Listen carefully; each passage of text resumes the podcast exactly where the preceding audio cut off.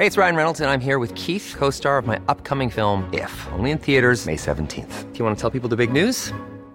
All right, I'll do. Sign up now and you'll get unlimited for $15 a month in six months of Paramount Plus Essential Plan on us. Mintmobile.com slash switch. Upfront payment of $45 equivalent to $15 per month. Unlimited over 40 gigabytes per month. Face lower speeds. Videos at 480p. Active Mint customers by 531.24 get six months of Paramount Plus Essential Plan. Auto renews after six months. Offer ends May 31st, 2024. Separate Paramount Plus registration required. Terms and conditions apply if rated PG.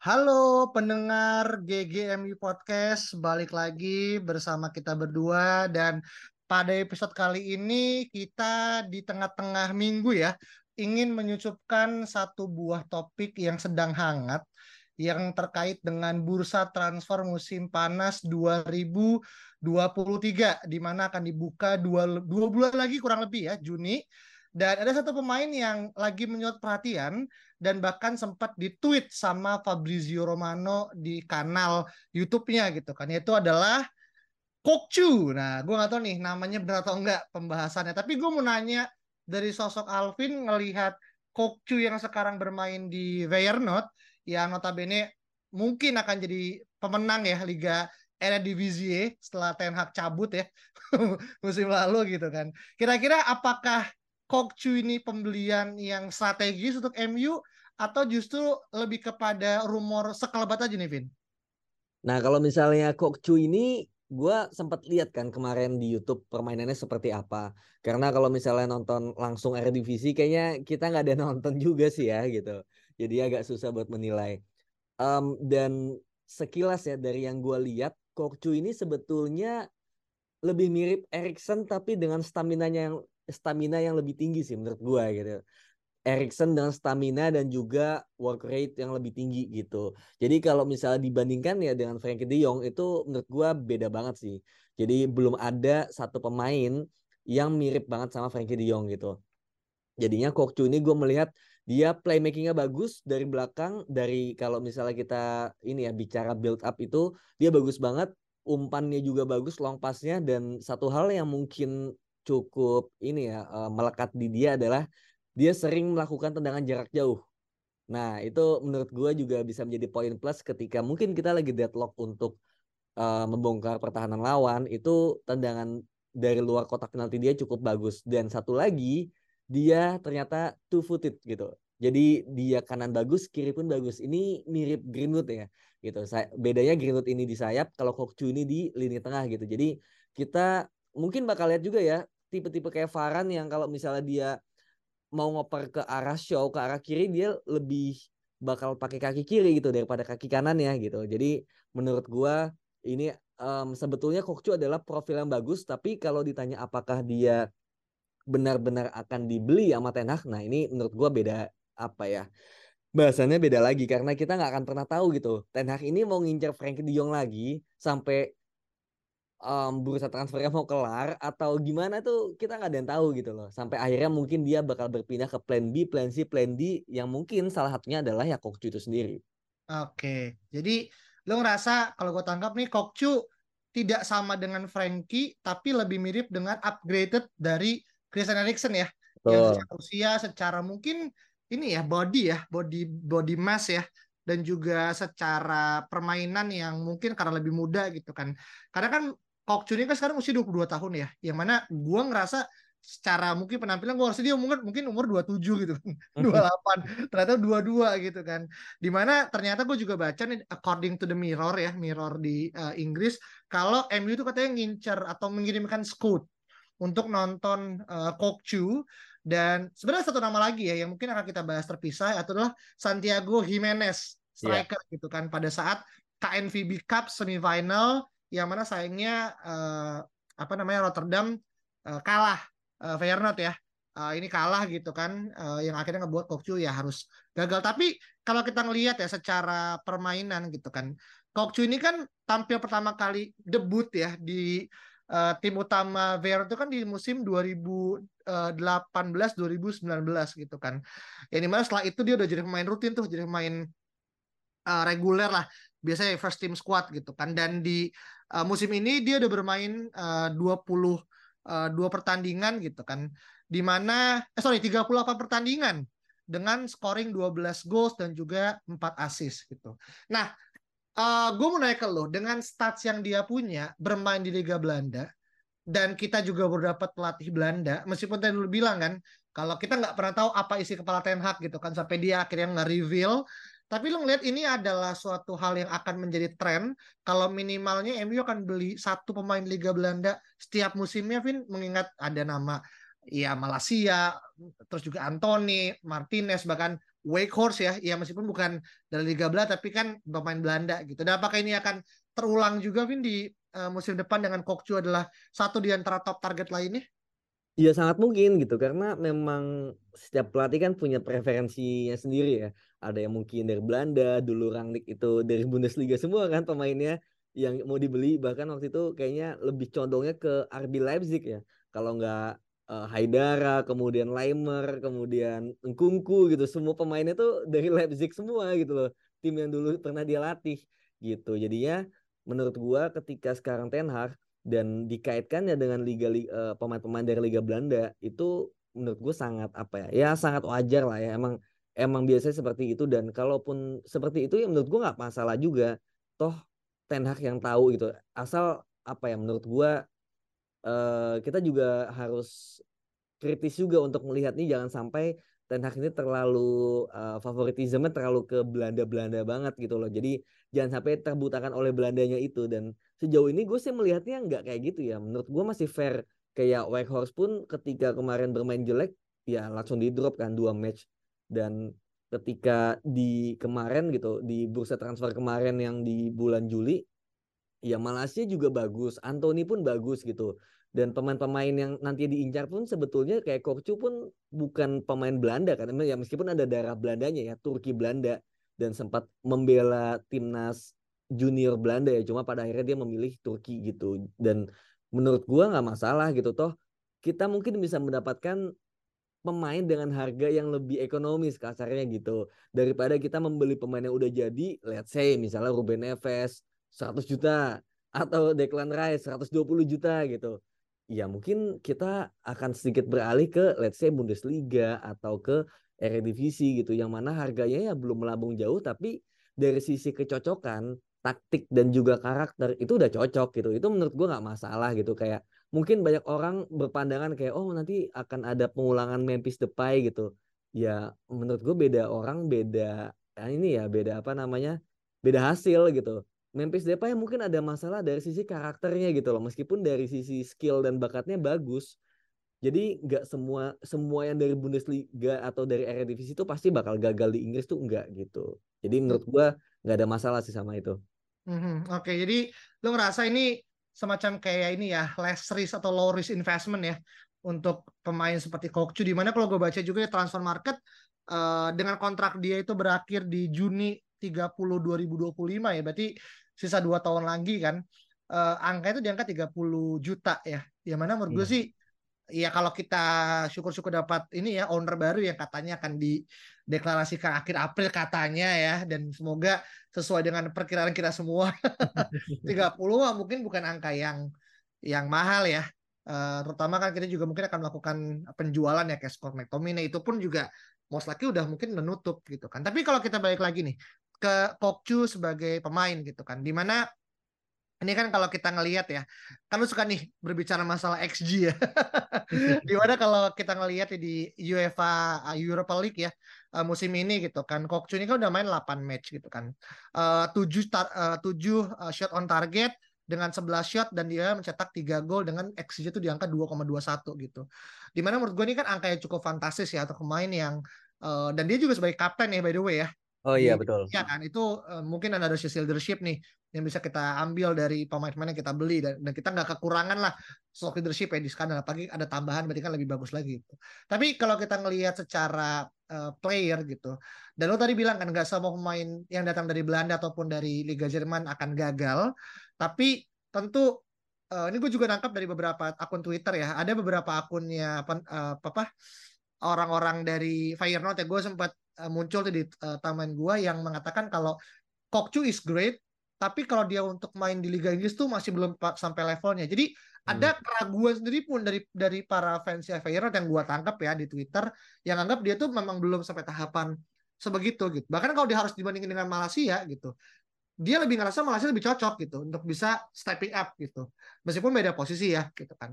Tapi melihat kemarin juga Malaysia sempat buat IG story ya yang kalau kita artikan dalam bahasa Indonesia artinya almost ya atau hampir ya kan dan banyak orang mulai bergerumu tuh bilang wah nih agen Malaysia gitu padahal mungkin orang ngerasa almost itu adalah juaranya gitu kan buat Feyenoord tapi lo ngelihat dengan mungkin banyak keraguan gitu kan uh, yang mana dia juga uh, kita juga baru dengar nama Kokcu kan musim ini ya Vin ya. Ya, ya. Uh, selalu kan juga masih ya mungkin lagi rising ya gitu kan. Apakah ini adalah sekali lagi ya pembelian tepat dengan harga 30 juta atau untuk angka 30 juta sebenarnya masih ada loh pemain lainnya yang bahkan uh, Premier League proven gitu yang mungkin bisa kita eksplor secara uh, potensi segala macam Vin. Iya, memang ini agak gambling ya karena um, pemain tengah itu kan krusial banget apalagi role-nya nanti itu bakal menjadi role yang sangat-sangat um, apa ya krusial lah bisa dibilang gitu ya menggantikan mungkin idamannya adalah Frankie De gitu tapi ini Kokcu gitu yang mana sebetulnya pasti beda banget gaya mainnya gitu.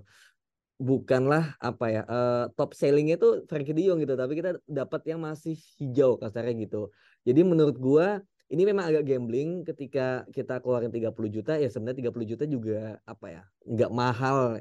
Cuma tetap aja kalau misalnya kita beli kucing dalam karung kan jadinya agak sayang juga uang yang mending kita invest di lese bek kanan atau di kiper atau di mungkin posisi mungkin um, pelapisnya Casemiro gitu. Jadi memang ya gue nggak tahu sih karena gue nggak pernah nonton langsung ya gitu. Kokcu ini cuma sekilas dari highlight kemudian dari stats sepertinya memang bisa gitu. Yang gue lihat kan seperti Erikson dengan versi yang lebih muda, versi yang lebih mobile versi yang lebih kuat kasarnya gitu. Cuma memang ya again ya balik lagi ke Ten Hag gitu. Gue yakin masih banyak nama-nama premium di luar sana yang bakal dikejar gitu. Let's say Frankie De Jong menurut gue tetap bakal dikejar nomor satu. Kemudian Jude Bellingham juga bakal tetap dikejar. Cuma nantinya gitu akan turun terus gitu sampai pada akhirnya mungkin merasa ya udahlah toh gini kalau menurut gue Erikson tuh masih bisa main gitu loh satu dua tiga musim lagi tuh masih bisa main jadinya kan kalau nih misalnya kita belinya Frankie De itu Erikson udah hampir pasti nggak main gitu loh menurut gue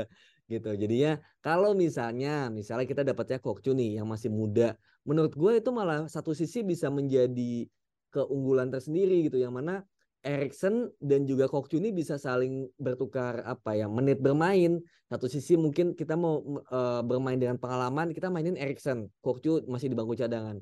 Nanti ada masa di mana pertandingan ini sepertinya nggak terlalu sulit, let's say kayak lawan Everton kemarin ya. Mungkin kita bisa mainin Kokcu gitu di sana. Erikson masih menjadi uh, cadangannya, kebalikannya gitu.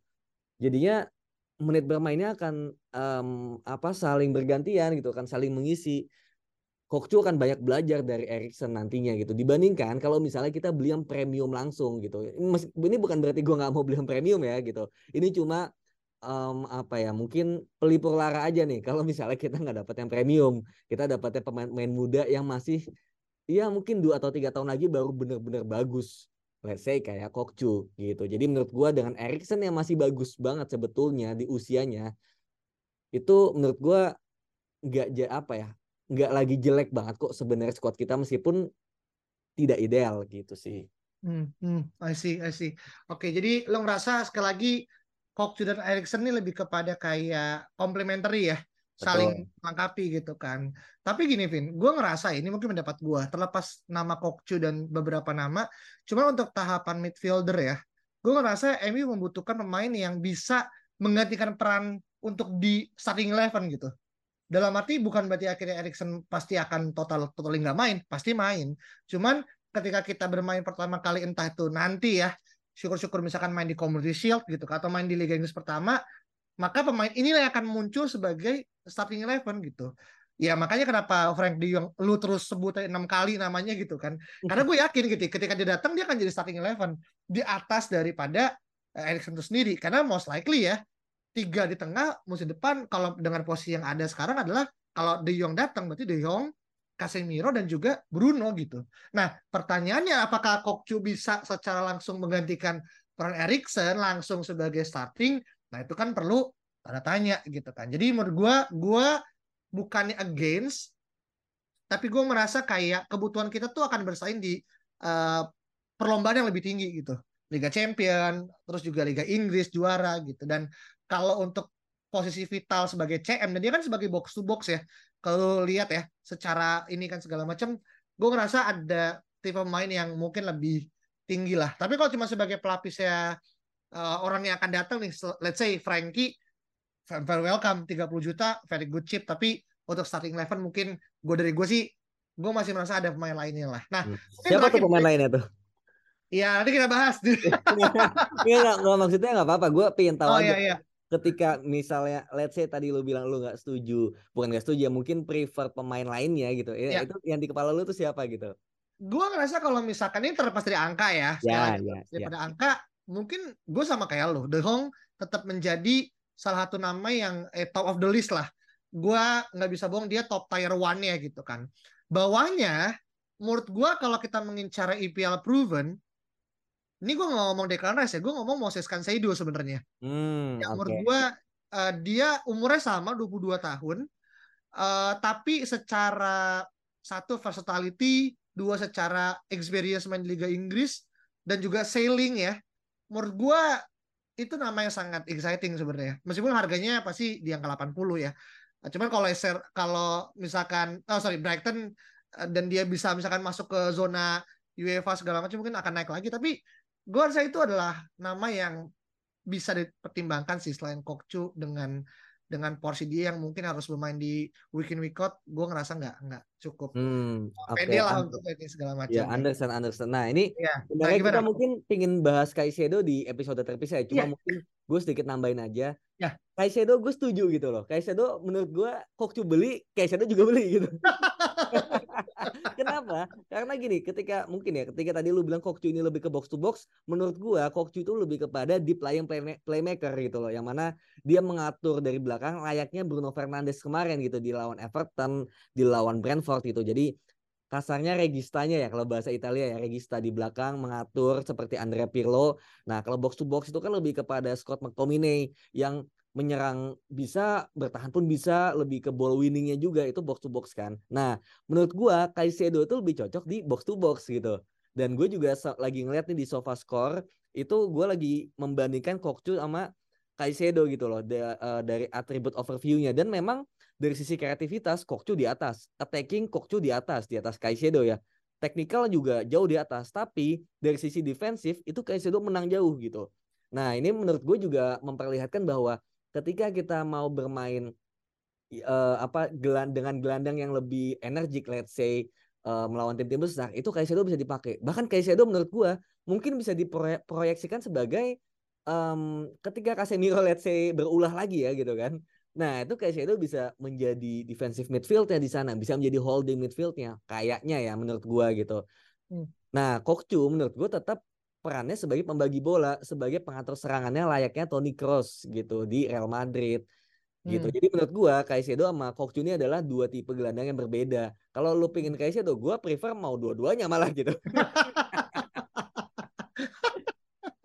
Iya nah, iya. Itu masalah Kaisedo nanti kita bahas terpisah ya. Gitu, iya, jadi karena juga Kaisedo juga pemain yang menarik ya karena uh, dulu kita dapat ya dengan angka dengan angka yang bahkan nggak begitu mahal gitu ya kalau dibandingin sekarang udah inflasi ketika bermain di uh, uh, Brighton gitu kan. Jadi uh, menurut gua ini hal yang sangat menarik ya karena balik lagi pemain tengah tuh entah kenapa ya striker mungkin menarik, winger tuh exciting, pemain belakang tuh mungkin patut diperhatikan tapi di tengah tuh menurut gua jantungnya gitu. Kayak lu bisa lihat bagaimana hegemoninya Real Madrid lima tahun berturut-turut juara gitu. Itu karena di tengahnya ya menurut gua uh, jarang dapat highlight ya karena lebih lebih banyak kan kalau di depan ya Ronaldo lah, Benzema, Bale segala macam. Tapi di tengahnya tuh yang akhirnya menurut gue jadi penyupportnya gitu kan. Di zaman dulu kita punya hmm. Scholes dan juga Carrick yang mengatakan kita juara Liga Champions 2008 itu pun juga menurut gue salah satu yang menjadi ini kan apa prom promotornya lah gitu kan dan sekarang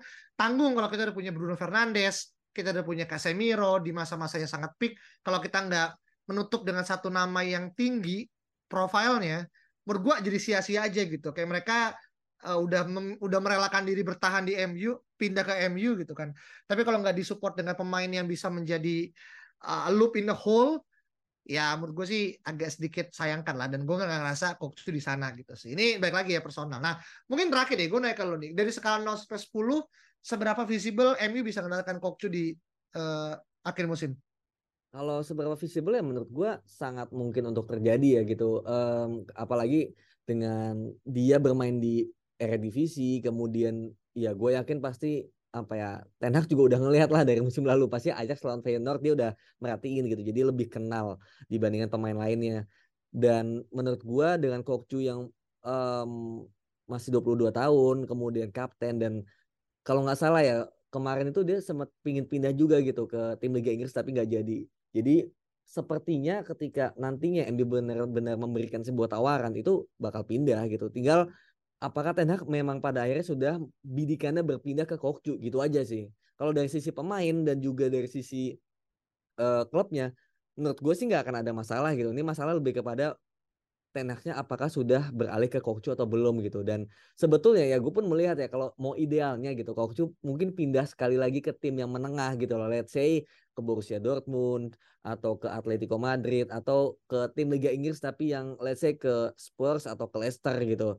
Nah nanti dari sana barulah pindah lagi ke tim gede gitu. Sebetulnya idealnya begitu. Cuma kalau memang ternyata talentanya dan karakternya sekuat itu, ya why not lu langsung jumping aja kayak let's say Malaysia kan, kayak Anthony langsung jumping kayak gitu. Itu sih. Iya, iya, iya. visible juga kok. Oke, jadi mungkin di angka di atas 5 ya harusnya ya. Kalau misalkan gua bisa menangkap ya dari apa yang lu sampaikan. Dan ya, gelandang gelandang agak susah sih. Jadi menurut gua 6 sih. Oke. Oke, dan semua semua kembali kepada isi kepala Ten Hag ya, dan juga bagaimana board dan juga manajemen mempersiapkan dana ya, dana segar untuk akhirnya dibanjiri untuk MU di musim depan. Karena sekali lagi pasti prioritasnya adalah striker kan, yang kita udah semua tahu lah, itu yang akan menjadi first money to spend itu di sana gitu kan. Dan kalau teman-teman mungkin punya pendapat berbeda dan hal-hal yang ingin disampaikan terkait dengan Kokchu sebagai uh, pemain, silakan langsung balas aja di tweetnya at GGMI Podcast Jangan lupa untuk kasih bintang 5 di Spotify. Kita ketemu lagi pada pertemuan berikutnya. Bye-bye. Imagine the softest sheets you've ever felt. Now imagine them getting even softer over time. That's what you'll feel with Bowl and Branch's organic cotton sheets. In a recent customer survey, 96% replied that Bowl and Branch sheets get softer with every wash. Start getting your best night's sleep in these sheets that get softer and softer for years to come. Try their sheets with a 30-night guarantee. Plus, get 15% off your first order at bowlandbranch.com. Code BUTTERY. Exclusions apply. See site for details.